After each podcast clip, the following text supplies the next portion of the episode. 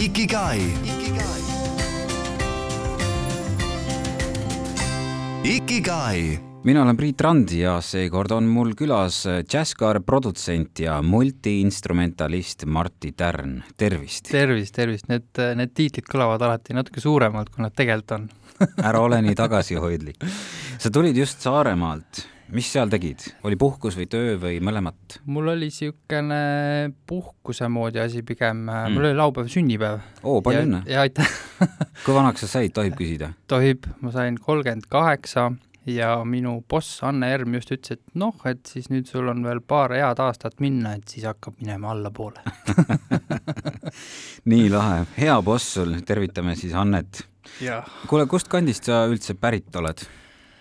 täitsa Tallinnast äh,, isa pool on kuskilt sealt Mulgimaalt ja ema on äh, Türi-Paide vahelt äh, maapiirkonnast, aga mina olen täiesti tavaline Lasnamäe kuli. Mm.. et lapsepõlv möödus nende nende panelkade vahel seal kruusaplatsi peal. Jah, nüüd, nüüd ongi vaja käia seda siis äh, tagasi tegemas Saaremaa ilusas looduses ja,. jah, ja mul ongi ema, ema kolis Saaremaale, siis ma käin seal aeg-ajalt äh, niimoodi vaikuses äh, närvi puhkamas mm. -hmm. kuidagi sünnipäev tundus ka niisugune aeg, et see on hea korraks ära põgeneda siit linnast kus sa koolis oled üldse käinud, ma vaatasin, et nimekiri oli päris pikk, aga alguses ilmselt siis kuskil Lasnamäel no tegelikult oli, ähm, no kõige algus oli mingisugune mingi lasteaia esimene klass, ma ei teagi, mis kool see siis oli mm, -hmm. aga tegelikult äh, põhikool, keskkool oli äh, siin kesklinnas Tallinna kahekümne esimeses koolis. ema tahtis panna mind keelteklassi mm, -hmm. aga siis äh, Liidia Rahula oli seal keele nende klassikatsete kuskil nurgas istus ja seal pidi laulma mingit väikest meloodiajupikest ka ja siis ta niimoodi püüdis Aa. enda muusikaklassi mingeid tüüpe, kes enam-vähem pidasid viisi. Nii et ma käisin äh, muusikaklassis seal kahekümne esimeses. ja sealt edasi oli äh, kuidagi kogemata sattusin äh, Viljandi Kultuuriakadeemia katsetele. mul puudus igasugune kindel plaan, et mida võiks õppida ja siis lihtsalt vaatasin, et seal Viljandis on, on katsed ja see muusika asi on mul tulnud enam-vähem nagu kuidagi lihtsalt või noh, ma ei, ma ei pidanud mm -hmm. väga pingutama. Ja siis, kuna ma olin käinud ka laste muusikakoolis Narva maanteel, siis mõtlesin, et noh, et ma lähen lihtsalt katsetan. ja tegelikult proovisin klaveriga sisse astuda, aga neil oli sellel aastal niisugune olukord, et äh, ühtegi bassimeest ei astunud sisse. ja siis on selle Eesti elu ilu ja valu oli siis see, et äh, võeti hoopis äh, mind sinna kontrabassi erialale sisse mm, -hmm. kuna mul mhm. see muusikateooria pool oli enam-vähem ja siis nad pakkusid mulle sealsamas katsetel välja, et kuule, et ole hea, et mine võta nurgast korra kontrabassi, et vaata, kuidas tundub, et kas äkki tahaksid hoopis bassi õppida. ja siis hakkasin äh, selle muusikaasjaga natukene süvendatult tegelema ja siis äh, ma olen väga hea koolide alustaja ja mitte nii hea lõpetaja ja siis ma käisin vahepeal aastake, olin Soomes ja siis veel elasin neli aastat Rootsis, käisin seal ka kahes erinevas koolis, millest siis lõpuks ühe ikkagi suutsin lõpetada ka. Ja siis nüüd juba mõned aastad siin Eestis tagasi. ma näen sind päris paljude ansamblitega koos esinemas ja tihti teles ja lavadel, ometi ei ole sa ise suur intervjuude andja, miks see nii on? ma ei ole jah, mulle kuidagi, ma ei tea, see on mingisugune ma ei tea, kas see on võlts või kuidagi lihtsalt niisugune eba, ebamugavus on äh, ennast promoda, eriti siis, kui mul ei ole ka endal nii-öelda isiklikult midagi välja tulemas.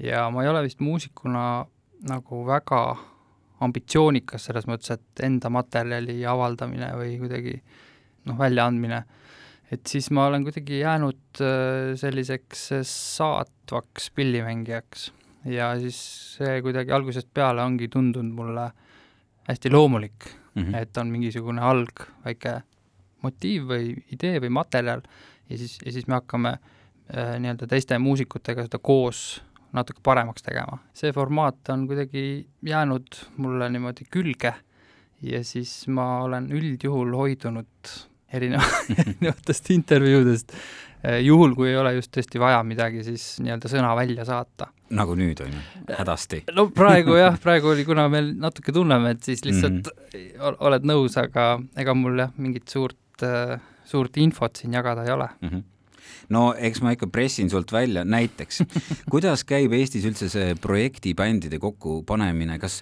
on mingisugused agendid või on äh, lihtsalt äh, professionaale niivõrd vähe, et ega eriti valida ei ole, või siis on see äh, üks suur sõpruskond, kus info vahetamine käib?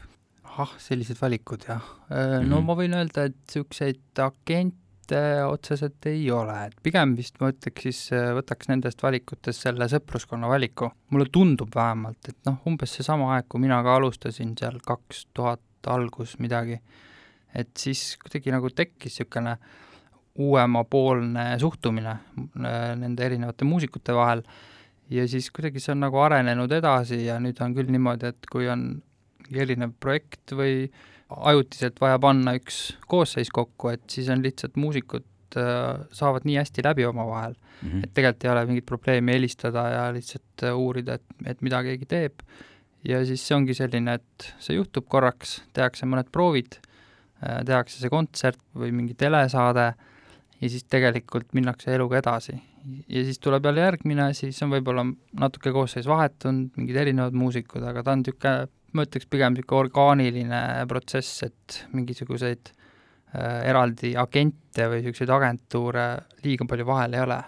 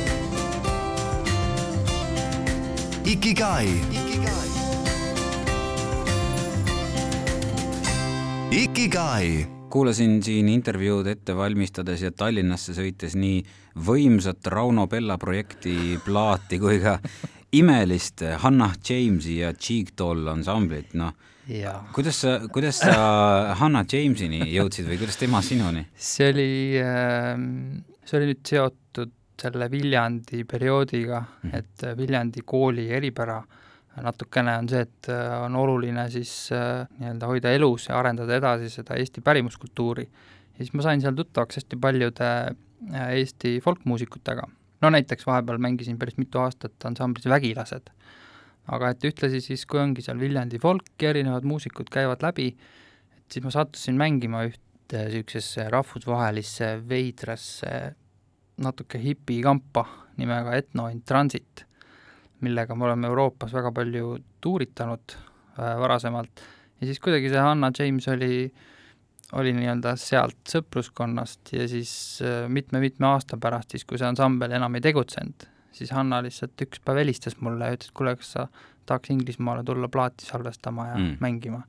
ja enam-vähem ongi niisugune mm. -hmm. nii-öelda nagu noh, võib-olla sõpruse pealt ongi kõige õigem öelda. ja Rauno Pella puhul on nii, et noh, Eesti on väike, Rauno on niisuguse äh, aktiivsema jutuga ja siis äh, noh, ikka lähed ju appi, kui inimene tahab teha oma sooloplaati ja, ja tahab midagi nagu suuremat ette võtta, et äh, et aeg-ajalt on, on, on ka selliseid ettevõtmisi tuleb tegelikult ette, jah. aga sa kirjutad ka ju ise muusikat, näiteks Arvamusfestivali lugu mängib meil Elmaris päris tihti. jah, jah, see oli, see võib-olla ongi viimase aja ainukene loominguline väike tulemus, mis on mm. -hmm. tekkinud. aga Mhm. noh, see on ka selline, et ega ma liiga palju jah, loominguga tegelikult ei tegele, eriti nüüd viimased aastad, kui ma olen seal džässkaares olnud. mõnikord ikkagi hakkab närima, et tahaks võib-olla rohkem sellega tegeleda, jah. tead, ma sõitsin täna siia äh, bussiga Tallinnasse ja, ja imeline ilm on väljas ja nagu muusikavideo jooksis äh, suurest bussiaknast, kui ma kuulasin muusikat, kus sa kaasa teed, no juba mainitud äh, Hanna Jamesi ja lisaks ka Porteleki, Tärn, Pärnoja triot. no väga mõnus oli, aga sa ise kuulad ka, eks ole, erinevatel puhkudel erinevates kohtades päris palju muusikat kui sa peaks nüüd ütlema ühe sooviloo, mis see oleks?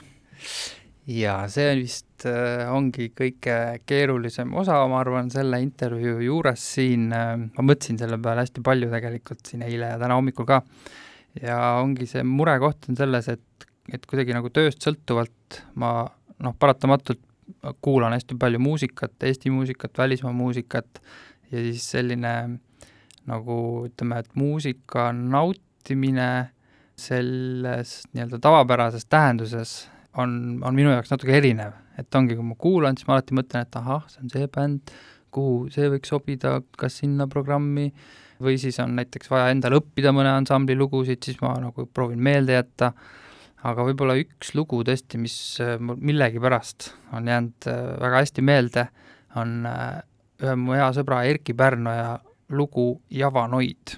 Et see on küll niisugune asi, mida hea meelega aeg-ajalt panen peale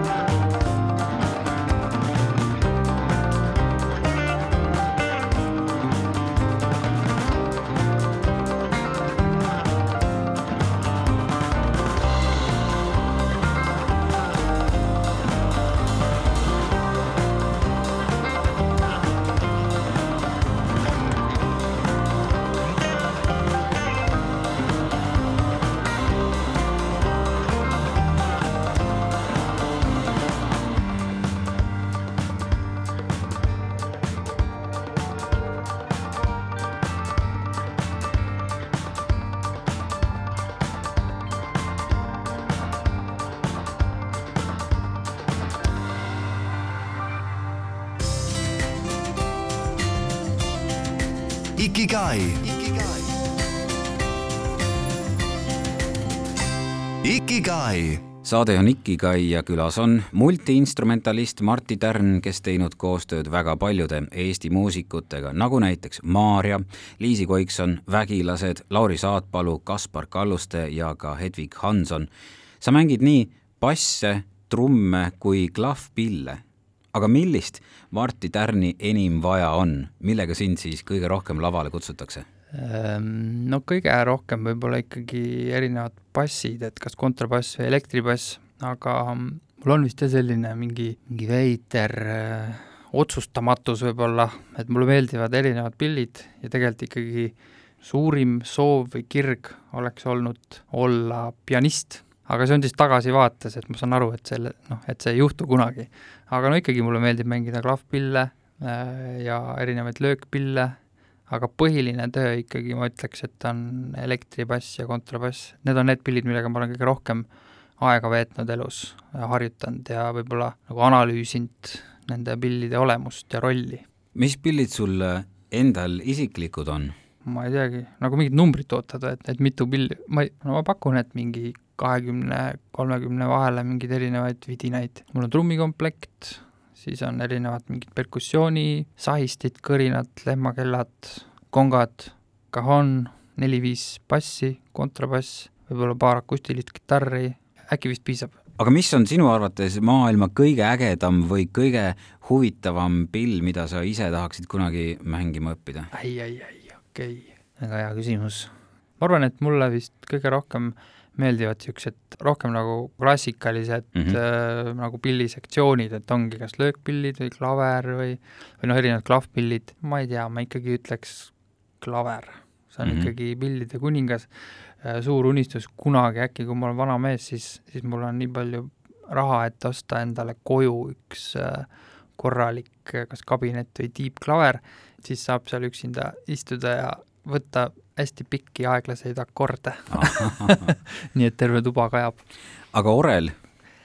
orel, ähm, orel on võib-olla natuke liiga suur amps minu jaoks, et ma ei, ma ei kujuta ette, ma olen, ma olen, ma olen proovinud küll kusjuures mõnes kirikus, äh, aga mul ikkagi võtab see juhtme kokku ja ei mm, -hmm. ei, ei halda ära. siis oleks vaja suuremat proovikat ka vist? jah, oluliselt kas sa oled alati tahtnud just muusikuks saada või on sul olnud teisi unistusi ka? ei ole vist ja muusikuks ei ole tahtnud ka saada alati, et ongi olnud selline niisugune mm, protsess, ma ütleks, et ta oligi see, et ma sinna muusika juurde lõpuks sattusin või jäin, see mulle tundub endale juhusena. noh, ema kunagi siis äh, suunas natukene, pani kuskile muusikakooli äh,, Äh, Liidia Rahula suunas muusikaklassi ja, ja laulukoori ja nii edasi, et kogu, et see muusika on käinud kaasas, on ju, väiksest saadik. aga mul ei ole olnud jah kunagi niisugust bändi tegemise äh, soovi või ütleme, noorena ma ei ole teinud bände, nagu, nagu väga paljud muusikud on, et neile õudselt pakub see pinget, et oled neliteist või viisteist ja siis lähed teed mingit rajurokki kuskil garaažis või keldris, et, et mul, mul, mul sellist tausta üldse ei ole kuidagi see muusikuks olemine või muusikavaldkonnas tegutsemine on äh, lihtsalt käinud kaasas. Ja mulle üldjoontes meeldib mingi teatav niisugune struktuur või süsteemsus. Ja näiteks kui mõni ansambel, äh, kus ma mängin, läheb tuurile või äh, mingile kontserdile kuskile linnast välja, et siis mulle meeldib, kui ma tean täpselt, et mis kell, siis ma vaatan järgi marsruudid, et siis võib-olla mingi niisugune logistika teema mm. äkki pakuks huvi. aga no minust kindlasti logistikut ei saa, et ma arvan, et niisugune muusikapõhine logistika ja ikkagi jääb selleks, ütleme niisugune noh, kõige laiemas mõttes muusikavaldkond jääb selleks valdkonnaks, kus ma tegutsen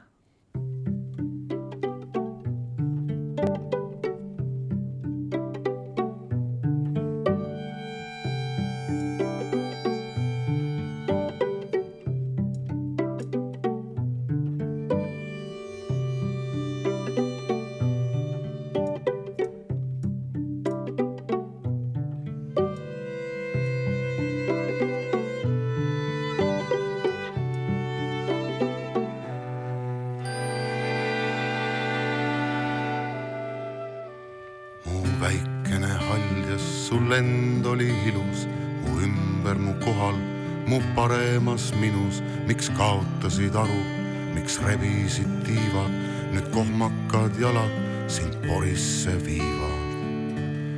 küsiksin sinult, kas tasus see vaeva, et valisid maa ja jätsid taeva küsiksin, oli see väärt, mis sind valdas, kuid enam ei tea sa, et olid kord haldjas. haldjate naeru nii harva veel kajab, miks rebite tiivad, teid väga on vaja. Tunda end korrakski kellegi süles, kes viib sind kõrgele, kõrgele üles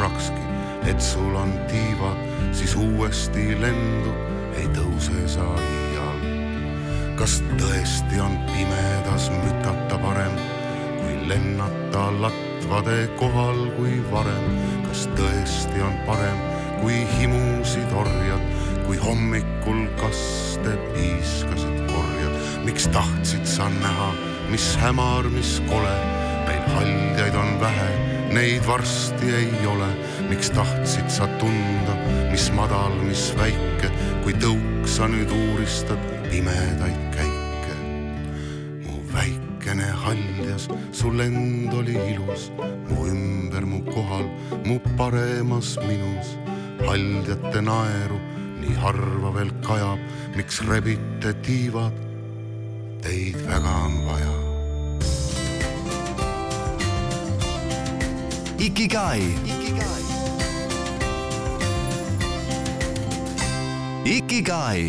Külas on džässkaare produtsent Martti Tärn. džässkaar või jatskaar, kuidas ise hääldad?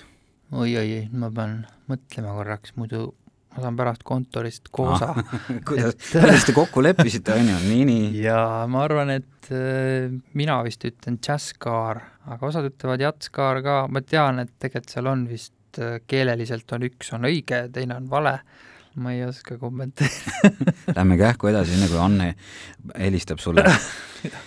aga kuidas saab džässkaare produtsendiks ja mida sa igapäevaselt üldse selles ametis teed? Äh, no minu puhul oli nii, et äh, ma nägin lihtsalt kuulutust, et äh, džässkaar otsib endale meeskonnale lisa ja siis mul oli kuidagi selline periood elus ka, et võib-olla oli, oli natukene väsimus pillimängust või sellisest Eesti muusiku elust, et kõik on pigem hektiline ja hästi palju muutuv.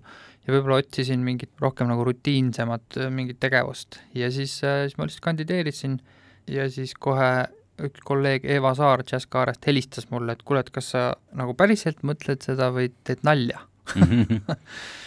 Ja siis äh, kõik läks hästi, siis ma sain sinna tööle ja minu töö võib-olla siis sihuke igapäevane tegevus, eks ta on suuresti kontorilaua taga nagu iga teine kultuurisündmuse korraldamine, et äh, aeg-ajalt kirjutad erinevaid taotluseid, aruandeid, minu otsene roll on siis põhiliselt tehniline produktsioon, ehk siis kui inimene läheb äh, mõnele džässkaare kontserdile või festivalile, siis äh, see, et seal on olemas lava ja helivõimendus ja valgus, valgustaja, helimees ja toolid ja prügikastid ja erinevad sildid, vaibad, kõik, kõik, kõik see. ja siis ühtlasi see, et äh, muusikud on saatnud oma tehnilised vajadused, need on edastatud siis õigetele tehnikutele, on mingisugune ajagraafik, millest peetakse kinni, mis kell tehakse uksed lahti ja nii edasi, et niisugune, ütleme, et mitte väga nagu muusikaga seotud tegevus, et pigem niisugune tuim ja, ja väga, väga tehniline. Natuke nagu logistika ikkagi ka. jah, natukene on. vist on jah mm, -hmm. jah, mulle meeldib, kui on see mingi tabel, kus on info olemas, sest see on ka paratamatus, et see info kogu aeg muutub, eriti praegusel ajal mm, -hmm. nagu kõik võivad aimata, et et see koroona on pannud niisuguse hea põntsu sellele kultuurisektorile, infot on hästi palju, info vahetub hästi kiiresti ja siis on väga palju erinevat sõnumid ja signaalid, mis, mis tegelikult siis teevad nii publikule kui korraldajale selle asja kohati ütleks, et võimatuks ja kui mitte võimatuks, siis äh, väga keeruliseks aga kas sa tead, kuidas valitakse džässkaarele esinejaid, kas äh, Anne kuulab äh, ja sina kuulate koos kõik seal kontoris erinevaid artiste ja siis teete linnukesi, meeldis, ei meeldinud? Või kuidas see protsess äh, välja näeb? see protsess on olnud vist erinev, et, et varasematel aastatel on olnud vist suuresti jah, ainult ähm, Anne ERM-i nii-öelda õlul see vastutus. Ja nüüd on lihtsalt sinna juurde, nagu Anne väga maitsekale teravale kõrvale on tekkinud juurde natuke abistavad tööriistad. et siis eh, kas kord või paar aastas, siis me kuulutame välja sellise avatud vooru, mida me kutsume open call'iks, et siis kõik erinevad Eesti džässmuusikud või miks mitte ka äh, kõik teised muusikud, kellel on soovi või kuidagi tundub, et võiks džässkaare kontsertidele üles astuda, nad saavad ennast nii-öelda üles anda. siis nii-öelda tekib selline päris hea, mugav järjekordne tabel, on ju, mis mulle meeldib ja siis seal on info olemas, kontaktid umbes, mis see muusika endast kujutab, aga ma ütleks, et enamus programmist ikkagi valmib äh, Anne Ermi peas ja kuskil südames. et Anne, Anne põhiliselt on küll see inimene, kes siis äh, lakkamatult kogu aeg käib kontsertidel, kuulab hästi palju muusikat, talle saadetakse hästi palju muusikat ja siis niimoodi vaikselt nagu filtreerub mingisuguseks programmiks kokku. millal äh, Jacob Collier Eestisse tuleb? siis, kui Jazz Car saab miljonäriks, ma arvan mm,. Okay. ei, tegelikult vist äh, on olnud äh, ka, ka midagi on õhus olnud ja minu teada Anne on olnud ka ühenduses Jacob Collieri agentuuriga, aga need numbrid on hetkeseisuga natuke niisugused kosmilised, et äh, aga kunagi ei tea jällegi, et, et võib-olla kuulajale on huvitav, et kui sul on üks, üks suur populaarne kallis ansambel ja siis Jazzcar tahaks seda siin Eestis äh, selle artisti kontserti teha, et siis näiteks äh, niimoodi üksinda selle artisti siia toomine oleks väga kallis. aga nüüd, kui sellesama artisti agentuur või mingi management siis soovib teha siin regioonis tuuri, et siis tal on nagu mõttekam, et ta saab näiteks neli-viis kontserti. et siis selle ühe kontserdi hind läheb kohe odavamaks ja siis nagu tekib selline noh, natuke mõistlikum alus see artist Eestisse tuua. ehk siis tegelikult alati sõltub, et kas sellel äh, esinejal on siis kontsert Helsingis, Stockholmis, kuskil äh, Lätis, Leedus, et mismoodi parasjagu see tuurigraafik läheb ja, ja siis mõnikord on, on ta tõesti vist niimoodi jopanud, et sellel esinejal on lihtsalt kaks vaba päeva ja kogemata satub olema džässkaar ka sellel ajal ja siis nii-öelda õnnestub tuua ka mõni, mõni artist. ja siis loomulikult on tegelikult äh, suur abi selliste suuremate artistide Eestisse toomisel, on siis erinevad erasponsorid, kes siis äh, on olnud nõus appi tulema. see on hästi äh, nii-öelda keeruline logistika mm. -hmm, mm -hmm.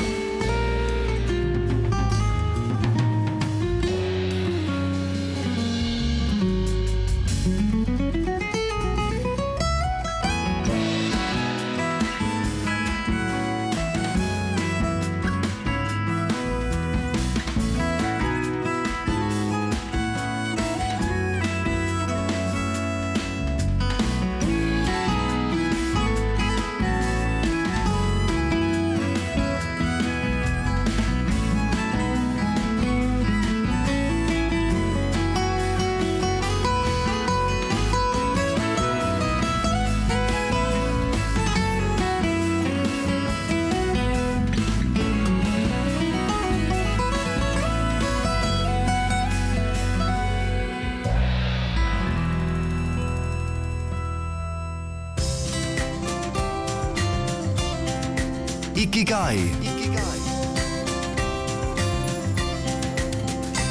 Ikigai. mina olen Priit Rand, saade on Ikigai ja mul on külas muusik Martti Tärn.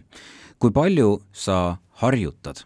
oi, valus valus küsimus. kindlasti liiga vähe, praegu eriti needsamad viimased Jazzkaare aastad, sest no see tundub kindlasti jälle paljudele kuulajatele äkki ootamatuna, aga, aga tegelikult see muusikavärk, et kui sa ei ole nagu kogu aeg mõttega selle asja juures, nii-öelda selles ühes rutiinis, et siis tegelikult need oskused äh, nagu hääbuvad ja siis mul on paratamatult jah, et selle džässkaare töö kõrvalt võib-olla ei ole õnnestunud nii palju harjutada, kui, kui tarvis. ma arvan, et äh, mõned korrad nädalas on küll mingite tundide pikkused niisugused väiksed, väiksed istumised, kus ma jälle võtan mõne pilli ette ja siis hakkan vaikselt seal pusima. vanasti oli ma ütleks, et pigem ikka iga päev ja mõned tunnid päevas ja siis sa nii-öelda oledki selles maailmas rohkem. sa oled olnud ka pilliõpetaja mm. -hmm. kuidas lapsi motiveerisid äh, või noori siis äh, pilli harjutama ja õppima? see on väga raske, ma arvan, kõik, kõik muusikaõpetajad praegu kõik ohkavad ja, ja kõik, kõik teavad, mis see tähendab. tähendab, mingi piirini sa saadki lihtsalt olla, on ju, ise eeskujuks kas nagu lasta neile motiveerivat muusikat või siis ise näiteks mängida midagi ette, mis, mis kõlab lahedalt. aga paratamatult lapsed on lapsed ja noh, nende, nende see tähelepanu range või mis see on siis? see välp. jah, võib-olla et see on äh, paratamatult natuke piiratum võib-olla, et nad ei suuda nagu hoida fookust äh, nii pikalt ühes kohas. ma arvan, et lihtsalt äh, energiaga vist, see on, see on, see on kõige õigem vastus, ma arvan. sa pead ise olema hästi aktiivne seal ja nii-öelda nagu hoidma seda, seda fookust ja tähelepanu, et kui sa ise oled uimane, siis tegelikult see laps hakkab midagi sügama või mingit muud asja tegema, et võetakse mobiiltelefon kätte mm. -hmm. ja on mingi, mingi põnevam mäng või mingi tüütu vend seal räägib mingist laadist. kas sul on endal äh, selliseid päevi ka, kui sul pillimäng üldse välja ei tule?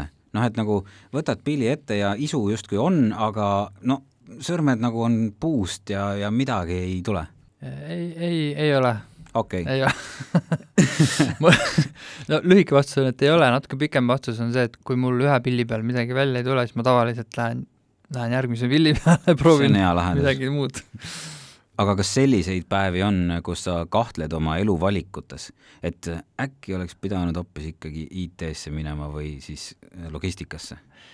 Äh, Neid on küll olnud, aga siis jällegi äh, ma olen saanud aru, et ikkagi no IT puhul ma noh, no ma saan aru lihtsalt, et see ei oleks äh, mulle mingi variant, ma olen, võib-olla ei ole nii äh, no lihtsalt need nullid ja ühed ei, ei, ei jookse mul väga hästi. ühesõnaga, ma ei ole nagu suutnud midagi paremat välja mõelda, et, laias laastus siis, kui ma mõtlen eelneva viieteist, kahekümne aasta peale, nagu mõtlen nende kogemuste peale või need mingid erinevad reisid või see tohutu hulk hästi huvitavaid eh, nagu no, no, noh, mingid seltskonnad või inimesed, kus, kuhu ma olen sattunud, et siis ma nagu ei oskaks küll äh, midagi ägedamat välja mõelda, et lihtsalt äh, need müstilised kohtumised kuskil mingi Sloveenia äh, väikelinna kuskil äh, mingis restoranis, kus siis see restorani perenaine tuleb ja toob selle äh, õunakoogi ja on lihtsalt nii super tänulik selle väikse kontserdi eest, mis just juhtus, et selles mõttes on kindlasti see muusikukutse on äh, väga tänuväärt, et võib-olla niisugune, kui ma luban endale väikse filosoofia minuti siin, et Jaa. ähm, mulle nagu vist meeldib kõige laiemas laastus olla seotud mingi valdkonnaga, mis tekitab inimestele kas mingit positiivset emotsiooni või mingisugust lisaväärtust. et mingites ametites äh, mulle tundub, et on lihtsam olla kuidagi külmem või siis jätta inimesi rohkem kõrvale. muusika puhul on mul üks niisugune mõte jäänud pähe, et minu meelest kõikidel maailma inimestel äh, on mingil eluhetkel, kas see on puberteediiga või ma ei tea, pulmapäev, sünnipäev, on olnud oma elu jooksul üks mingi moment, kus kohas mõni lugu või mingi plaat on läinud nii kohutavalt hinge, et see lihtsalt äh, teeb niisuguse erilise tunde sulle. ja siis kuidagi, kui ma mõtlen, et millega siis oma elus tegeleda, et siis mulle tundub, et see muusika on selles mõttes üks niisugune kõige laiemas mõttes maailma parandav, inimesi ühendav, koondav jõud, et see, et osadele meeldib äh, Rammstein või osadele meeldib äh, Erkki Pärnoja, et see ei ole tegelikult nagu oluline. et oluline on see, et on muusika ja et äh, see läheb inimestele korda, et siis mulle tundub see eluvalik kõige, kõige õigem väga-väga ilus ja, ja ma, jah, hea mõte. nii, nii see on, ma olen täitsa nõus. kas sul on äh, Eestis hea või tahaksid sa näiteks vahepeal kolida New Yorki või Berliini, kus palju rohkem kultuuri, võimalusi? Jaa, selle peale ma olen ka mõelnud, äh, eriti nooremana, siis kui ma ise elasingi natuke aega Soomes ja Rootsis ja ühtlasi kui ma olen ringi reisinud, siis, siis ma tegelikult leian küll ennast sellel mõttel, et huvitav, kuidas siin oleks elada.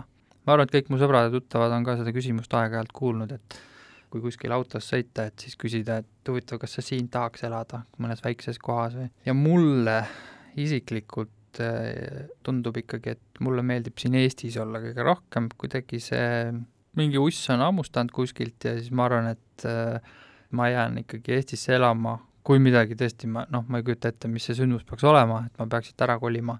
mind ei ole otseselt tõmmanud kuskile mujale elama, et mulle meeldib käia, niimoodi nuusutada nende suurlinnade õhku ja olengi käinud ja nuusutanud ja mulle tundub, et ikkagi kui lähed sinna Saaremaale või kuskile oma maa, maakodusse, seal midagi, saed puid või, siis on kuidagi kõige parem kena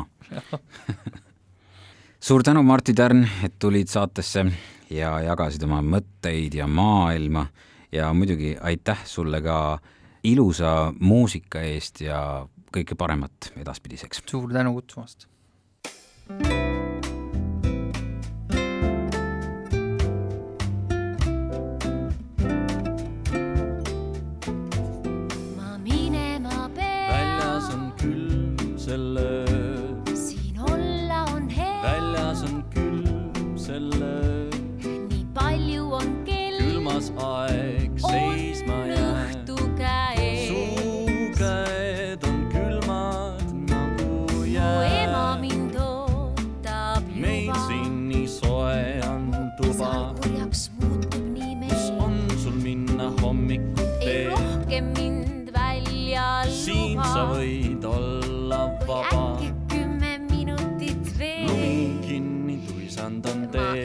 Ikkagi lähen. väljas on tige briis. su silmist ma näen. hullem kui Siberis. et koju mind veel. oot, las ma siis proovin veel. ei lase sa.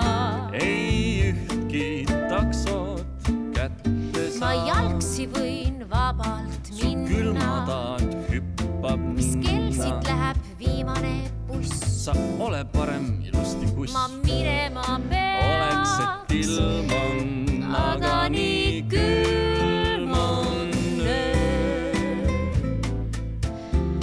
ma tõesti pean hakkama nüüd minema. ei pea. pean. kuule, ma panen väikse hõõgveini tulele, väiksed mandlid, tead, vaatame. mis sa arvad?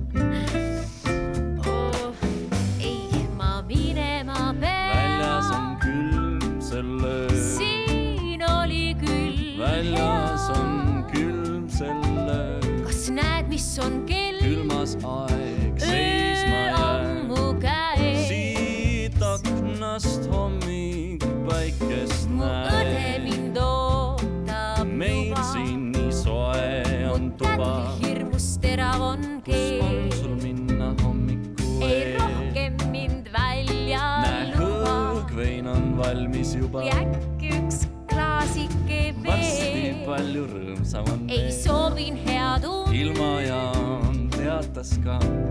ei pelga ma. algamas suur purga. las vinguda kuid siin mängib muusika. on minna aeg. näe lumest ragisevad. ma siia ei saa ju jääda. kas tahad, et üksi jääda? mul natukene kahju on ka. miks trambid minu tunnet saa? minema